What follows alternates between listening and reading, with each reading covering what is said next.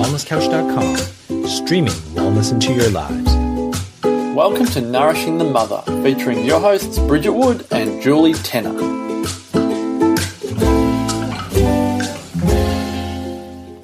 Hello and welcome to Nourishing the Mother.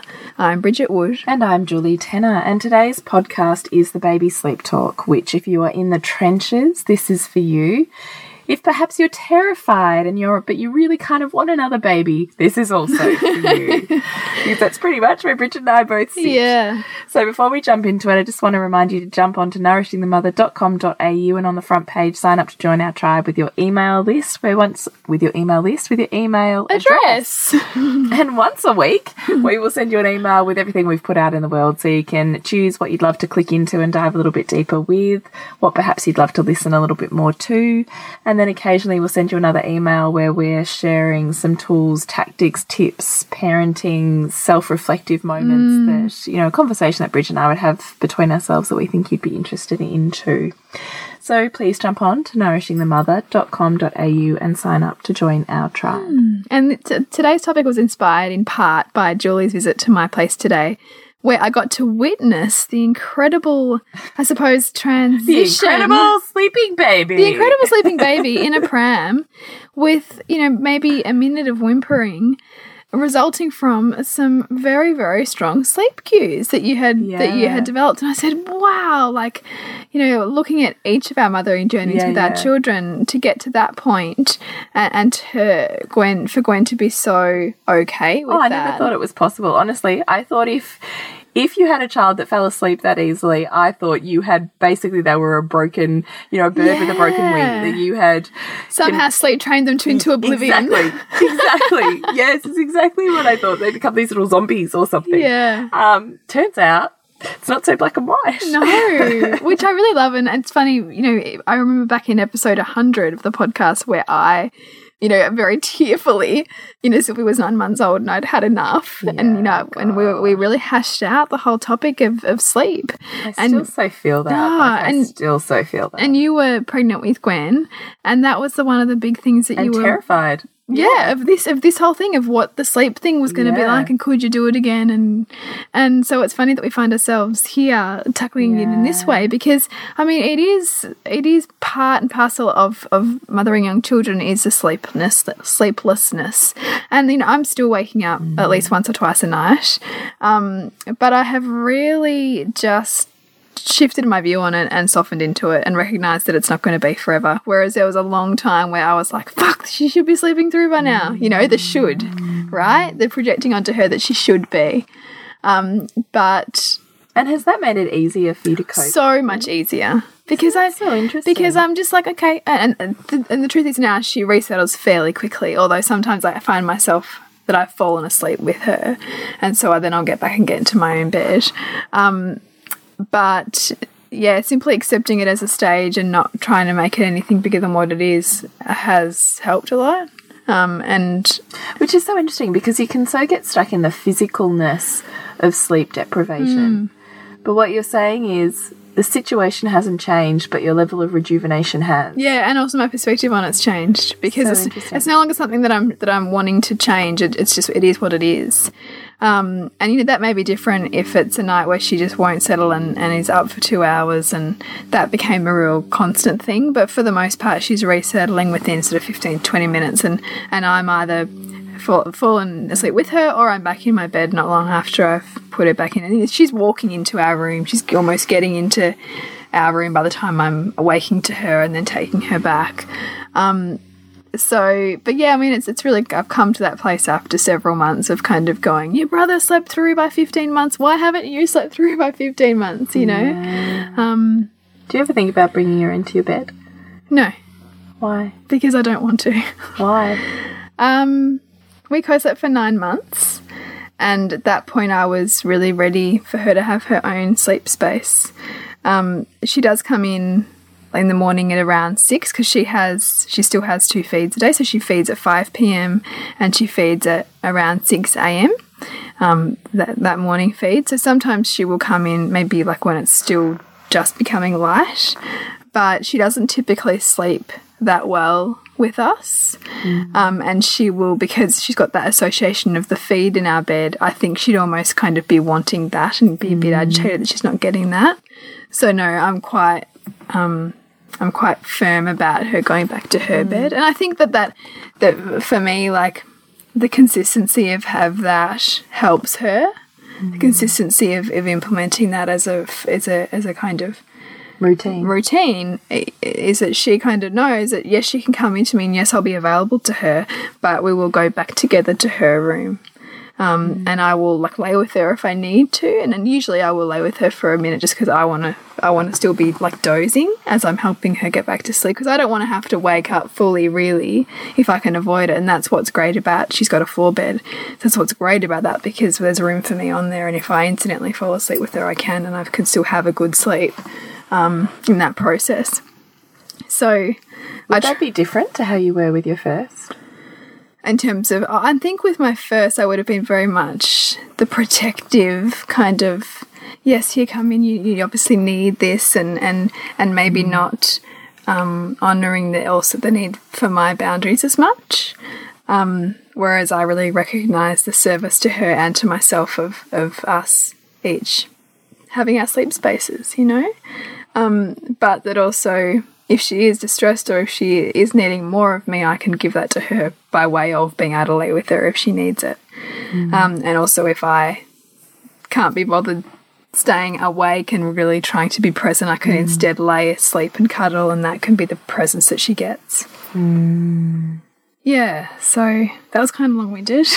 No, it's so interesting though, isn't it? Because I can see so much of myself in each of the stories that you tell, and I think, yeah, I so would have judged you and me back mm, then. Mm. You know, yeah. that you weren't meeting your child's needs, that they needed more. So, you know, your needs kind of got, you know, shoved in the bin and the Yeah. lid closed Yeah. because it was their needs that you were meeting and that was your mm. responsibility. And, uh, you know, the whole sleeping in their own space, taking them back to their room, how mean. You know, they clearly need you. They're scared on their own. And I You know, recognize that, that yeah, and I and I really recognize that that would have been where I was at one point with my first.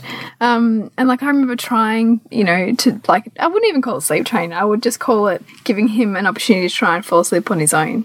You know, um, and trying to do like even what like Pinky McKay's book said around like you know giving them a bit of time on their own, and I couldn't even do it. Like I viscerally had it just had this horrible feeling of doing that. Like I just felt like I was abandoning him, you know. And I think it was because I'd read so much on how Yeah, you know, in too. inverted commas bad it was Yeah, me too. um, that I just couldn't even fathom it. It was really only till I mean, aware parenting kind of saved our sleep, you know, in terms Isn't of that funny? yeah, because I, then that's how I night weaned him, and that's how I eventually got him to go to sleep on his own. Like you know, at three, I was able to say, you know, give him a cuddle, book, good night, close it, you know, pull the door What do you think about that book, Save Our Sleep? Because I know your chiropractor recommends it. Does he Yeah. really? Yeah. that's interesting. Yeah. No, I, I, I, I don't think that she um, is particularly respectful. Um, and no, it seems to be the go-to book. I can see how people like it because it seems to be all about um, creating a routine, and I and I do think that babies do and children. I mean, all of us, like our, our brains, are sort of wired to this to seek to search for kind of habits and routines, and we do on some level thrive. But I don't know that it respects a child's individual agency and um, whole person in trying to say that they that they should be fitting some kind of rigid schedule in essence. And I mean, some of our language, I just, I don't really, I don't think it's particularly respectful. It doesn't come from a place of, um, I don't know, seeing the baby as more than something to be managed, maybe. Um, but you know, who knows? If That was this is my perspective of having looked at it, you know, four years ago. I haven't looked at it recently, but that was what I took away from it then. Um, but yeah, I don't know. Like as Sylvia as a baby, I definitely looked a lot, and I know that you've done this too, which has created a big you really, shift. you really paved that way for me. Honestly, was Hmm. I don't think I'd be quite so aware of it going into it had I not had so many conversations with you around it, and had I not really delved more deeply into more brain development and Hmm. into um, more, you know, RIE styles of Yeah. parenting. I don't, I don't think I'd be quite where I was had had I not heard all of that. you. Well, I suppose like, if we look at it, it's a lot of attachment stuff. Absolutely, we you and I both believe a lot in developing secure attachment. Yeah. But some of the literature, I think, on or the books on attachment parenting can also be masking a parent's own woundedness around their perceived lack of attachment, which I don't think a lot of mothers give um, bring awareness to that and how that that is therefore influencing the dynamic that they're then projecting onto their child and what's manifesting in the child's clinginess or our Yeah. belief that they need us. Yeah. Um, and so, like, I, I remember reading, like, Your Self Confident Baby, like Magda Gerber's book, which is Yeah, the RIE book the we're I'm talking about. about, yeah. Uh, you know, and I bought that book when Hugo was a baby, and there was parts of that that I just couldn't face, you know, then around, yeah, I get that. around the benefits to them of independent sleep and Yeah. all of that. But with Sylvie and knowing that that I really wanted to change to create see that as a nurturing thing for her to really be able to achieve on her own that that kind of sleep. Um, I really had to reframe a lot of my beliefs around that being, you know, abandoning her or or that her that she deeply needed my body closeness or and all of those kinds of things, or mm. that she needed me to settle her as opposed to her um, have an opportunity to find that for herself. Yeah. And this is something that you and I chatted about today, wasn't it? That that Yeah. you still find yourself having to reparent yourself. Yeah, it's, I said to you, it still it still shocks me, and I still every time I put her to sleep have like these flashback moments, almost like you know, through each of my kids at this same age, going, "Wow, I'm still having when you say parenting myself because." With my daughter at the moment, I was saying to Bridge, I'm in two minds about you know videoing it because I don't want it to be like any sort of parenting guru, but more just I find this incredibly fascinating. Is mm. that she can be totally awake, fine, comfortable, not even crying in my arms, but I know she's getting tired. Mm. And so I can put her sleeping bag on. So there's sleep cue one went from a wrap to a sleeping bag, and put on her. I call it the whooshy machine, but it's just a white noise machine, and we mm. play waves on it. And as soon as I lay her in my arms, instantly she'll start crying. Mm. But because I'm programmed with aware parenting, I expect tears Yes. before bed. I expect that that's part of our bedtime routine and that's mm. part of the wind down. And so I kind of, with, you know, definitely my second and third child, listened to lots of tears before there was sleep. Lots. Mm. You know, going to bed would be a 20 minute process of, you know, listening to tears. But she will kind of cry ish, not necessarily that much, before she's ready for me to put her in the cot. And I know she's ready because she starts kind of almost rubbing her nose against my breast or my arm. And she's just looking for, she has like this snuggly blanket thing. Hmm. And as soon as I put her in her cot, she rolls on her side, grabs the blanket, and kind of does this, you know, like sort of sucky, sort of licky thing on it and totally just goes to sleep on her own. Now mm. she's awake 100% of the time I put her in the cot. She's never asleep when I put her in mm, there. Mm. But before I put her in there, I find myself facing myself every time because I still feel this rising anxiety that I think is still there from my first of the second I put her in here, she's going to wake up and scream and I'm going to be here forever. Which is, it almost feels like post traumatic stress from my first. It's so interesting that you say that because just just as you are saying these words, I'm, I was immediately transported back to my son, like back to Hugo being, you know, a couple of weeks old, and that it seriously was like PTSD. You know, like eh, or, or, or like massive anxiety. Yes. and I can feel that in my body. Yes, that's what I'm talking about. Mm. So every single time I go to, and I know that's where she wants, because I've tried resisting that and just holding her in my arms, thinking, surely you'll just fall asleep in my arms and it'll be lovely and I can feel much better about that. Yeah, yeah. And she doesn't bloody go to sleep. Hmm. So I know she's calling me to to step up. But every time I face that anxiety within myself from back then, and all of those memories and all of those stories, when all of my kids woke up the second I did that, and all of the beliefs that said you couldn't or you shouldn't, or having a you know comfort blanket, which she currently has Yeah. now, is a control pattern Or and a broken child repression because mechanism. yes, Yeah. Mm. because that should be you, not the blanket. You know, I face m all of these like stacked beliefs. I find catapulting me at this one moment every single time before I put my child to bed. And so I've started doing right before as I put her in my arms and she starts crying. I've started moving my hips with her in my arms in a infinity symbol, a figure eight. And I don't know why, it was just a very intuitive kind of feeling. And I visualize in my head. So I take myself out of that anxiety by visualizing the body sensations of the infinity symbol within her body. And then I replicate that energy movement as if I'm seeing it in, in like a color kind of circuit track, figure eight track in her body. And it almost feels to me like uh, in this, I'm bringing all of her energetic lines back in, back in online. And so if I give myself that presence, it's almost like I can parent myself enough that I do enough infinity figure eights with my hips and with my body and in my mind visualizing the energy in her body to say you need to be congruent before you put her down in that mm. mattress. You need to be she's safe, she's going to sleep, not mm. riddled with anxiety from the past because I'm just living in the past or I'm living in the mm. present. Anxiety is not a true measure of where you are right now. Mm-hmm. And I find that just the mindfulness practice and visualization practice of the figure eight, even if it's just for, you know, 10 seconds, sometimes that's all I need. Sometimes I'll need to do it for a mm. minute, maybe two. Sometimes I'll need to do it for 10 seconds. I'm like, nah, I'm good.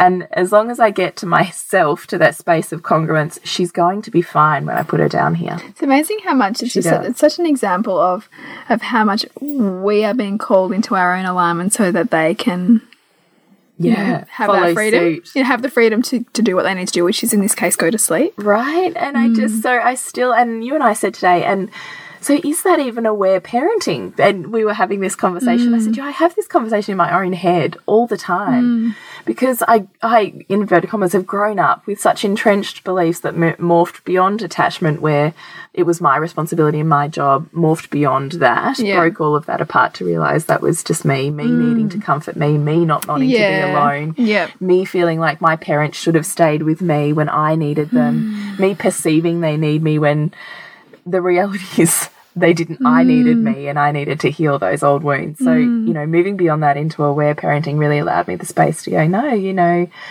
it's okay to have this boundary, but it's also okay to feel held in that. There's a difference from wanting to comfort and stop to wanting mm. to comfort and hold space. There's a real difference Yeah. there. Yeah. And here I find myself not really listening to tears because they're not really there. And she just magically, and I say magically because it's still every time I still go, that's amazing. Mm. Just magically goes It was pretty sleep. awesome to witness. She's like a dream. Nick and I still, and, and the beauty is it can be anyone, not just me. Anyone can put her to bed like that. Anyone. My husband does it. And every time he or I walk out, I'm like, she's amazing. and my husband's like, yeah, no, like I know. This is like ridiculous. And I still shake my head in disbelief, going, how is this even possible? Yeah. Because I was sure they had to be, in inverted commas, broken children to sleep like that. Mm. It's pretty amazing, isn't it? And then and then how much of that is simply because we are looking for evidence of that? Like I think about the whole, you know, needing to release tears and or needing to release or certain behaviours is indicative of or certain, you know, milestones of the day as, you know, opportunities for mm. release. But if that's what we're constantly filtering out perceptions to try and see, are we almost making like a mountain out of a molehill or trying to see something that's not even there? Mm. You know what I mean? I don't. Yeah, look, I really, I don't know. And and as you and I were having the conversation today, what is what is aware parenting? Because, you know, we, when we talk about aware parenting, we're talking about largely the work of Aletha Solter, um, who is a, she studied under um, Jean Piaget, so a Swiss um, psychologist with a really strong interest and, and great wisdom in child development. And her, she comes from this background of attachment parenting, but looking at um, also the need to release tears and laughter, and that emotion should be moved through the body and not something to be stifled, which sometimes attachment parenting practices can kind of do. Um, so she was all about the expression and creating space for expression. Um, and her practice with her children and what she recommends in the Aware Baby, which is her kind of signature sort of book is that for each sleep you hold the baby in your arms and allow them to cry for as long as they need to before their bodies kind of soften and mm. go and go quiet and go to sleep in your arms. And when they're fast asleep you then lay them down. And that was always her sort of approach with sleep and so, but then, you know, we were talking about this, yes, but is that not her own unconscious or conscious childhood void mm. of attachment that she's then saying needs to be done because that's the most aware way? Mm. Or is an aware way recognizing what is your own stuff and trying to separate that from what the child in front of you is needing, which clearly Gwen is quite happy to be put down awake and go to sleep. Yeah, and I still feel guilt about it. What is that? Like, I still carry guilt about it because she really genuinely is that is her best way to go to sleep. Yeah. But I still feel really uncomfortable about it. What is that? Be all, I mean, it could be a couple of things. It could be the entrenched beliefs that you have that have told you that the best way is to, to hold and to be mm. touching that you're only connected when you're physically yeah connected. that you're only connected and yeah. that that would be also aligning a lot with your values around physical touch and, and the healing mm. the healing nature of touch um, or it could be some something unconscious for you that says that that's not safe mm. you know that the safest way or the most held way is to hold mm. you know but it's really interesting isn't it it's just just again that mirror of gosh like how much is them and how much is me, and that that's that that such a thin veil, those the, the line between um, ourselves and our children and what they offer us all the time as a mirror mm. to grow through.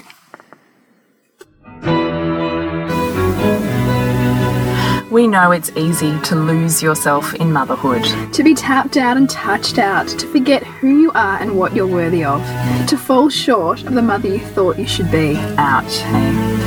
This is why we created the Loathing to Loving program.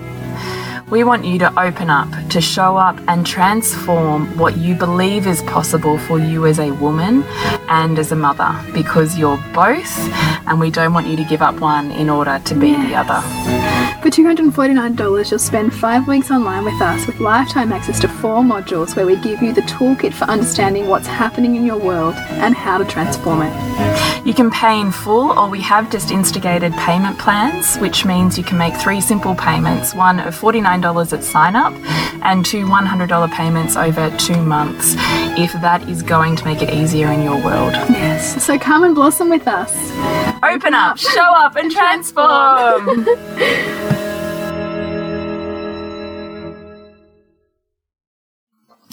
the sleep topic does come up quite a bit in our um, private Facebook group. Mm. Um, in terms of of perhaps you know even toddlers having difficulty going to sleep without being fed to sleep, yeah. or in needing to be um, laid with for long periods of time in order to go to sleep. Yeah. And you know any um, woman who's been listening to the podcast long enough, or anybody who's done our programs that knows that's not the child that that's a dynamic. It's it's, mm. it's part of what's been a habit that's been formed, and it's also on some level a need that's being fulfilled for the mother through the child having that attachment. Mm which is just so interesting and something that is often quite, you know, kind of painful for us to kind of grow through and go, okay, well, why is my child needing this and, and why am I needing it too? And what would, mm. what would, would it be okay for me? It's always both yeah, of us. It's a co-creation. Our needs met. Yeah. yeah. And so, I mean, I've been interesting, interestingly doing some of this with myself and with Sylvie at bedtime because I've noticed that I can get really really triggered if she takes like longer than half an hour to go to sleep and she tosses around on the bed and mm. basically just stuffs around in my view.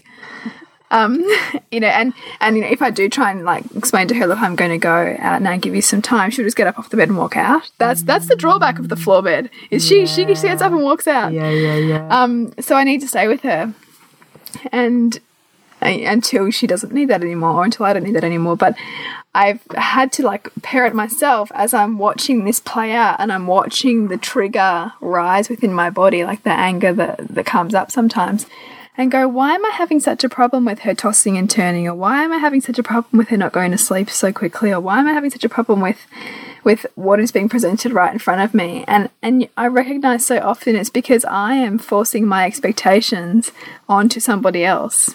You know, I am desiring to make different what someone else is presenting to me that, that's someone else being my child, which is futile. Like, you know, anytime we're trying to control someone else, we're going to create negative feelings within us because we can't control another person. And the same goes with sleep. And I think that, that, that this whole sleep thing can be such a teacher for us around that, you know, and around the shoulding and the social injections around how babies should be. Um, and, and I mean, that's one of the biggest farcical things in our culture is is the babies should just sleep. And you know, I remember a friend of mine who had like a sleep consultant. And you know i was she sent me all of her notes of what of what she'd filled out. And you know she had these like stuff and i'm thinking as like i'm thinking these are completely unrealistic expectations you have of your baby as i was reading it. And going but this is the culture we're in the culture we're in where it says that babies you know should sleep x amount of hours and that they shouldn't wake up and all this kind of stuff. And Yeah. and i was really recognizing within my own dialogue some nights what I'm expecting of her, why I'm getting frustrated because it's never so rarely is it them. It's like whatever the, the, the trigger is in them that's for us to learn. Mm. And so, you know, some when I was reframing this with me, I was thinking, this is if children know exactly what they need to heal, what they, what they need to move feelings through their body, which they do.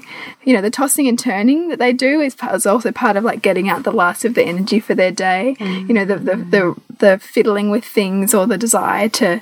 And it kind of for her often is you know getting up and walking and playing games. It's also to engage me in whatever she needs to help her find you know connection, comfort, you know, because she'll continue to try and play games well beyond, you know, my limit. And I can see all of those things as little feedbacks for me to also recognize boundaries when I have overstepped my own boundaries. What are some loving limits I can put in there for her? What, how can I make this more okay within myself to allow her to get out what she needs to? And there's just so much for us all of the time in these sleep stories that we have with our kids. And they're so then they're nuanced depending on what's going on for us too. Like sometimes if we're stressed we can find getting them to sleep even more difficult because we just want to get the hell out of there and go and deal with whatever the, the stress is in our lives. And that's why i think that the sleep thing can be so painful often because you know, it might be the end of the day, or it might be that you're exhausted, or it might be that you've just got some other big suffering in your life. And this whole baby sleep thing can be all consuming if we're trying to make it any other way than what it is, which is them them doing what they need to do to, to help themselves heal and help us heal whatever's going on for us at the same time. Hmm. There's so much that I loved in that. I loved so many of your perspective flips there.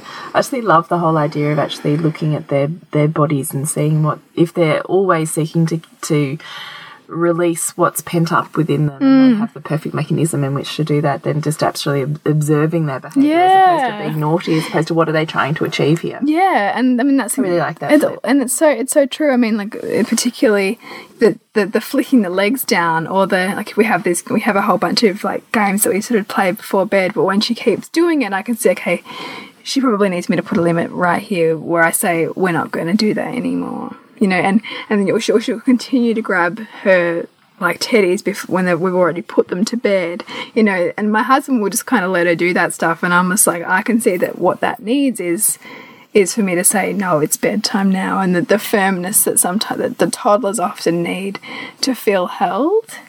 But I think sometimes when we're wanting to be um, maybe super conscious or, or meet their needs, we can sometimes not meet their needs by simply not giving them the boundaries that they they're actually asking for around sleep because they they're asking for boundaries to also be put there. I think all of the time. I think kids in general. I mean, I think you hear a lot of that from Janet Lansbury and certainly, Yeah. um, you know, um, Magda Gerber. Thank you. Yeah. Thank you, Magda Gerber as well. And I just think it, I just completely resonate with that in personal experience. It's just really seeing, I guess it's another perspective flip of seeing how there's a, like, like, let's take your teddies example. So, um, you, you keep playing with the teddies, you keep letting her play with the teddies. There's almost a, an insecurity on a really felt level that's a bit kind of just keep going because we don't want it to go wrong. Just keep Yeah. going because I can't handle your tears. Just keep going because I can't handle the storm that, that could possibly come. So I'm just going to make it okay for you to just keep going. I'm just going to people please. I'm just sure. Yes, you know. It's so true, isn't And it? And it's like this just kind of pitter pattering running. And I think on a deep level, our kids don't then feel safe to actually let go mm. of what's kind of niggling in there. Mm. And so it just keeps kind of niggling. Mm. Whereas I think I really resonate with what you're saying because I think what you're saying is when you start to see those behaviors of, you know, I want to drink, I want to get up, I want to do da da, of saying it's not any of the things, right? It's the underlying feelings that are just need to come out. And so in a way, you're kind of looking for how do I pick that scab? Yeah. and let them know that no matter what is within them, Mm. there's no darkness or ferocity greater than me. That doesn't mm. sound very good, but you know what I mean. Mm. Yeah, but, but, but whatever That I can handle it. Yeah, yeah. there's no darkness greater than me. There's no darkness greater than me. That's what I had going through my head as I'm saying it. That's not what I meant. What I meant was whatever you've got that you think is ugly or unacceptable, I can mm. take it Yeah. you know, no worries, I've got mm. this. So I'm putting down my anchor and I'm saying, give it to me. Hmm. Because this is time for it to come out because it's no longer needed here right now. Yeah. And so that's what I really get for you. And, and Totally. I do that with all of my kids and throughout the day. Like it's not even just a nighttime thing. If I hmm. see any of those niggly sort of behaviors, I'm in there honestly most of the time with a pretty firm boundary because I'm hmm. looking for the release. Yeah. I'm not looking for the how does everyone stay happy. I'm looking for the give me your ferocity Yeah. Because there's no part of you that needs to be ashamed here. It's like it's like oh, you know, the tantrum's coming, you know, and, Yeah. and and like you know, battening down the hatches for Yeah. for that to be able to release. Yeah, mm. because I think on the other side of that, kids are much calmer mm. and and back to really cooperative nature. Absolutely. and I think that you know definitely then follows through in sleep. Mm. I do think, and I know I'm cringing as I say it because I would have hated me back with number two, but I do think the breast can become a fallback mechanism. Yeah. I do think the more we feed at night, the more we feed at night. And I do think there's a way that we get to the point where we're, the breast is, you know, um, an all night supermarket because we're too exhausted and it's too hard to hold any space for anything and anyone at that point because our boundaries are so obliterated. We've just got to get through. We're Yeah. kind of in survival. You just mode. kind of keep going because it's almost easier to keep going than than the perceived challenge of changing it. Yeah, exactly.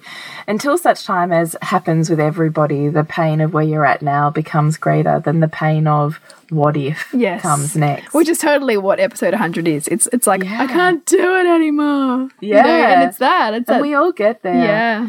But I do think you can consciously choose not to get there Mm. as well. Yeah, and I mean that's absolutely why, like you know, particularly like I mean, part of uh, I have a, a really a, a good value on extended breastfeeding, but but very much on my terms. You Yes. know, that that relationship needs to be one that I'm comfortable with sustaining, and so for me to be comfortable with sustaining it, it needs to be, you know, what works for me. Yes. And I think that that can be true with um, so many things. And I think that so often the relationships that we have with our kids that make the days really hard or really um, exhausting or even often the we want to avoid can often be because we haven't set appropriate boundaries that are honoring what we need and and also honoring what our kids need you know because because of that desire to keep them happy you know which might mean that they whine half the day because what they really need is actually a strong boundary to be able to release all the release the The the, the pain underneath the whinging Yeah. Whinging is a clear sign there's something else. going on. yeah yeah Because kids in balance don't whinge. Hmm. Um, so, look, I would just say if you're really stuck there and you're in, in that breastfeeding cycle, is, you know, it's totally fine. If it's not a problem for you, it's not a problem. absolutely I, something is only a problem when it stops and when you're really honest with yourself that you can mm. let go of your ego and your beliefs that you've attached to the particular way that you parent mm. particularly if you're in a family or circle where the way that you parent is not um, valued yeah. you might be wanting to cling even tighter onto the mm. way that you do things. And i certainly know that was me back with number two. Yeah. Um, and I would just say, honestly, nobody cares. I know we want to make it that mm. this whole world judges us, but honestly, nobody cares. Everyone's far too busy with their, Their own own stuff. Absolutely. It's like us, mm. but they're really not. Mm. And so, what I would really ask you to do is just to really deeply check in with yourself. And if what you're doing right now isn't working for you, the first person to get really honest with is you. Because it doesn't mean you failed. It doesn't mean you've chosen the wrong path of parenting. It doesn't mean you've got it wrong. It just means right now you're looking for change. Mm. And change is just another opportunity to expand your toolkit of your already, I'm sure, immense parenting toolkit. Mm. It's just another evolution of self. It's another way to bust beliefs and create more connection. Mm. But everything is us. Yeah. So, you know, I remember being that, you know, that was that was certainly me until I went, I just can't do this and I was willing to take the pain of being up longer for a couple of nights in order to sleep longer in another couple of nights. Um, and the way that I did it with a, you know, fully breastfeeding, co-sleeping baby through the night was um, I did start moving her into her own room and own bed. I had a floor bed then too. Um, just one sleep at a time. So, you know, I would put her, I started with putting her to sleep in that bed, and when she woke up, she came back into bed with That's me. what I did with Hugo too, actually. Is it? Yeah, that's exactly the same thing. Yeah, just and, and that was a really nice way to ease into it. Yeah. and a really gentle way to transition. Yeah, for both of us, I think. Yeah, then it would be okay well now i'm going to settle for the next wake mm. up mm. and or it would be you know maybe they were comfortable with that and and i was comfortable with the through the night then it's okay i know that you wake up at 11 2 and 5 i'm picking the 2 o'clock feed kills me the most Yeah. so when you wake up at 2 i'm not feeding you mm. and I would talk to them about that during the day. Mm. And can I tell you, my daughter, my second born, I remember talking to her, and she was up like what felt like every hour and a half or something. Wow. And um, I remember talking to her, she was one, and saying to her, you know, that two o'clock feed, I can't do it anymore. Mm. So tonight, when you wake up, I am going to be there and I am going to cuddle you, but I'm not going to feed you. It's like I never woke up. wow. She never woke up And, uh, again. But it's like you know that that is that is your level of congruence, you know, and her almost like coming in step with that. It's pro- that's profound. Yeah, it is, Yeah. it? And you think it's you think it's made up, or it's like Mm. this baby that goes to sleep in like a minute. You think it's magic, but it's not. Mm. It's congruent. It's like when I, I remember with Hugo, and that was the whole thing where I'm like, come on, Sylvie. With Hugo, I did the process of night weaning, like just like that. Yeah, yeah. So I, th I remember for a couple of nights, it was sometimes like having him in my arms screaming for like 45 minutes. Yeah, I remember that too. but it would peter off each night. So Um, Yeah, it was very quick. It was Yeah. probably, probably two or three nights. I was going to say I don't think I ever did one one feed. You know, transition Yeah. more than three nights. Yeah, I think I think I went down from I think I think by that time because I remember doing with Hugo who was about fourteen or fifteen months, and I'm pretty sure he was having two feeds during the night, maybe at that point, and so it was yeah probably forty minutes feed by feed to yeah, drop, yeah. and then once we dropped them, he never woke up again, Yes. you know, and did and slept through, and still has not like woken up since he was fifteen months, and he's now Yeah, nearly yeah. five, um, and so it's amazing when you get congruent enough with yourself and firm enough in in what you are what your boundaries are too i think uh, the, the, on some level i think they're almost waiting for us to be willing enough to say this is what i Well, I think right that's now what they do in parenting in general, don't you think? They push mm. us to our edges. yeah until we stand up for ourselves. This is a conversation again you and I were having today. It's almost like the the bully victim syndrome when we're overpowered in an area of life. That person is there to call us into our empowerment of that particular Mm, when, when, area. when we're disempowered yeah Sorry, disempowered. Yeah. Yeah. yeah, So when we're feeling like we have no power and this child is running it, and they they they almost keep going to push us to that edge. You know, Mm. just where you get to that point where you're about to break, Mm. and then it's almost like we get to a point in our psyche where we're like, okay, now I'll stand up. My pain is big enough. I'll stand up for yeah. myself. And we we put in place the change that we actually needed to make a while ago, a while but weren't ago, ready to. yeah exactly Yeah. Or, or just yeah w- weren't confident enough or for whatever reason couldn't do it Yeah. they're always asking us to go into those places Yeah. In mm. parenting in mm. general. yeah So, you know, I just find the whole fascination of baby sleep, particularly looking at my fourth, I can think back to myself as evolutionary in my parenting, and I can see myself in each one of the ways that my mm. children slept.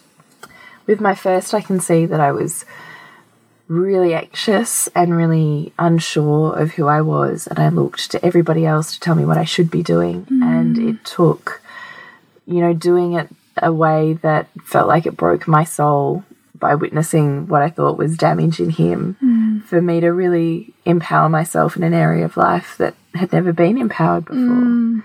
But he was a highly anxious sleeper. He was difficult, um, you know, until eventually he got to sleep, you know, certainly by one. And then he was okay. With my second, I can see that I was totally like, no way am I doing that again. I am like all nourishing mother. I will hold everything, be with you for every step. It's not safe for you to sleep on your own. Mm. You don't need other sleep. Um, you know, cues, you don't need control patterns because I will meet every need. I mm. will be your everything. And I will honor you in such a way that my mother never did. Mm. You know, I'll do that. I'll Yeah. step up for you in a way that I was never stepped up for. And, you know, I mean, I did. I wore her for every single sleep. She, you know, I co slept with her, breastfed for everything. And, you know, it did take me to the other extreme of attachment parenting, which is where you and I kind of came from, was really starting to recognize when attachment parenting stops working for you mm, mm. and you start to lose your sense of self and your sense of sovereignty mm. and therefore the sense of, of place and power that you feel you have in your family and mm. within the world. And your own sense of kind of aliveness, I can really see how that can almost lead you down being a shell of your former self because all you Yeah. are is simply in of, of service, Yes, yes. but not from a really fulfilled, willing, abundant place. Yeah. So she really needed me for sleep. And so she needed me for sleep. I really needed her to need me for sleep. Yeah. You know? Yeah. And then with my third, well, we all know my third came with gajillion lessons, but I thought I would parent in a fairly similar fashion, but I thought I would do more aware parenting overnight as hmm. opposed to just offering the breast. She didn't want to sleep with me at all. She wanted to sleep in a cot. She literally wouldn't settle with me. Hmm. So she was my first experience of having a child sleeping and she slept in a cot in our room. You know, now I have a baby sleeping in a cot in another room, which it just feels like they've just Yeah. walked further away. Um, and you know, her sleep was I used to hold her in my arms to cry. She did lots of releasing. And I really took it on myself as that was my responsibility to be there with her for that. And I felt really comfortable with that. But at night, you know, she was a shocker. She was waking up every probably between five months and nearly 10 months. She was waking up every 45 minutes at night. That's exhausting. Like, I was shattered, like completely. I can still remember it. And then all of a sudden, I don't, I don't even know what happened, but I got to that point where I was like, I literally can't do this anymore. Like, I literally can't do this anymore. Mm. And within the space of a week, she was sleeping through. So something psychologically happened for mm. me in mm. that time because physically, I don't really think I did anything different. Wow. But it's hard to say, you know, if I was back there and I journaled it, maybe I would say something different. But mentally, I got to the point of, well, maybe it was just that whole attachment thing. She pushed me so far into attachment that I went, I can't do it. And I mm. pushed back a bit and, and found myself, you know, within that.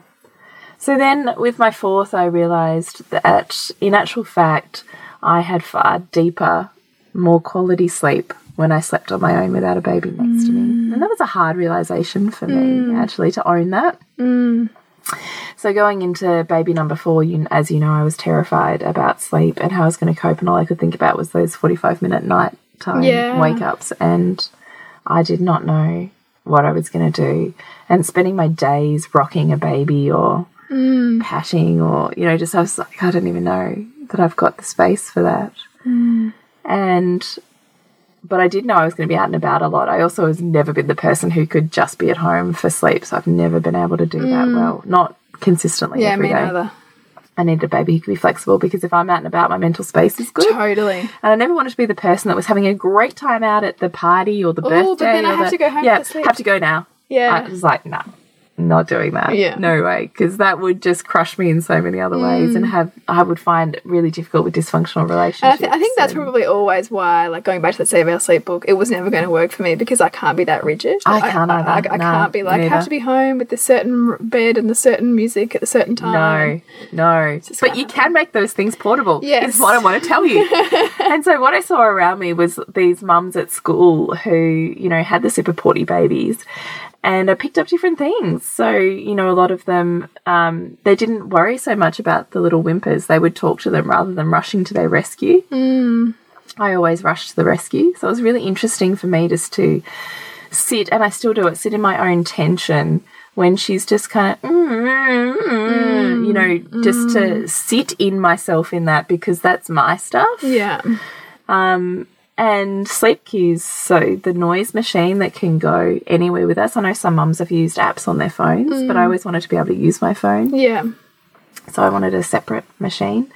And so from the word go, we use the machine. I like whacked her with about 10 sleep cues, thinking, surely one of these Something's is going to stick. so we're down to three. You know, we're down yeah. to the sleeping bag, the noise, and she just wants something on her face. So she just, Mm. it doesn't matter if it's, I, I didn't want to attach to one thing either because heaven forbid that one thing gets Yeah. lost, right? So it can be, um, you know, a blanket, a jumper, a top, a toy. Uh, It Mm. can literally be anything as long as she can, you know, hang on to it and kind of, she does this sucky thing near her cheek. So she has the toy. Um, they're the three things. Did I say three? Yeah, Yeah, sleeping bag noise. Yeah, thing Yeah. on her cheek. And with those three things, she will literally sleep anywhere. And that is amazing to me because I don't need to get panicky. They're really ingrained sleep cues for her. So her body and melatonin automatically starts to become a mm. very conscious click in Yeah. with those cues.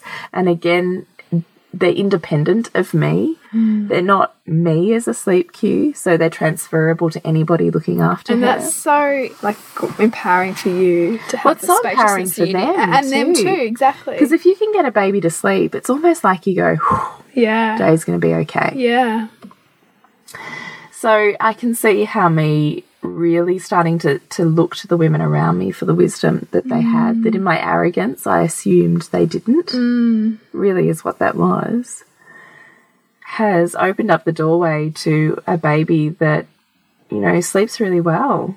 Look, well, I mean, we're still up twice a night. She's nearly six months old. But I'm kind of okay with that. We're kind of up for 15 minutes twice a night. Mm. I feed her and she goes back to sleep. yeah. You know, And I'd say that that's um, I pretty. think- that's I think that's pretty. normal. It's pretty age appropriate. I would have thought. I think so. Mm. The pain of it's not big enough to make me want to change it at the moment. Yeah, So I'm a bit like, that's fine. Mm. You know, yeah, I'd rather sleep through, but also not ready for the bigger fight of Of more sleeplessness yeah, to get to, to the get other the- side of yeah. it. I'm not ready. Yeah, So, and I know that. So while I'm not ready, I'd rather just sit here and mm. look in the distance going, I know you're coming. you're coming. Yeah, yeah. Those nights are coming. And I know they will. Mm. I know they will. But my point is more not so much this is how to raise a baby, but more this is just things to consider mm. that I can really totally see my evolution of self has completely been mirrored in each of my children's abilities to sleep. And I think that's pretty amazing. It's pretty. It's incredible, isn't it? And it just shows how they're they're such little people waiting for us to to get in step with with ourselves, and that they'll just they'll just follow through. It's, it's mm. so much about that dance constantly, all the time, in every area with mm. them. Mm. So we hope with our ramblings and hopefully you've picked out a little bit of wisdom for yourself. I hope story. I think story sometimes just letting you know that, you know, we've not been there. You're not yeah, alone. There is yeah. another side. You'll get there. You'll find your path, is what we're hoping. Yeah. But the spin that we really want to bring from Nourishing the Mother is that, you know, you can do everything you want to do to your child, but until you sort out your own triggers, Mm. it's a fairly, you know, limited um, outcome Yeah. because it'll just morph. Absolutely. So please jump on onto nourishingthemother.com.au and have a look at our programs if you're looking at upskilling a bit, or jump on and follow us on socials on Nourishing the Mother on Facebook and Instagram, where we regularly post and just having things fresh of mind, I think, really allows you the capacity to integrate a lot of new toolkits into your life. Just having an almost daily reminder about it Absolutely. And to connect with you, Jules, is thepleasurenutritionist.com. and me, it's suburbansandcastles.com. Your next movie? It's called Pers uh, Intuition is Your Personal Guidance System. It's a film that we're showing in Melbourne and Geelong all around intuition, essentially. It's a fascinating one. Um, so join us if you can. Great. What's that tagline? It is Nourish the Mother to Rock the Family. And we'll see you next week when we continue to peel back the layers on your mothering journey. This has been a production of TheWellnessCouch.com. Check us out on Facebook and join in the conversation on Facebook.com forward slash The Wellness Couch. Subscribe to each show on iTunes and check us out on Twitter. The Wellness Couch, streaming wellness into your lives. Whilst the Wellness Couch presenter endeavor to provide accurate and helpful information to their listeners, these podcasts cannot take into account individual circumstances and are not intended to be a substitute for health and medical advice from a qualified health professional. You should always seek the advice of a qualified health professional before acting on any of the information provided by any of the Wellness Couch podcasts.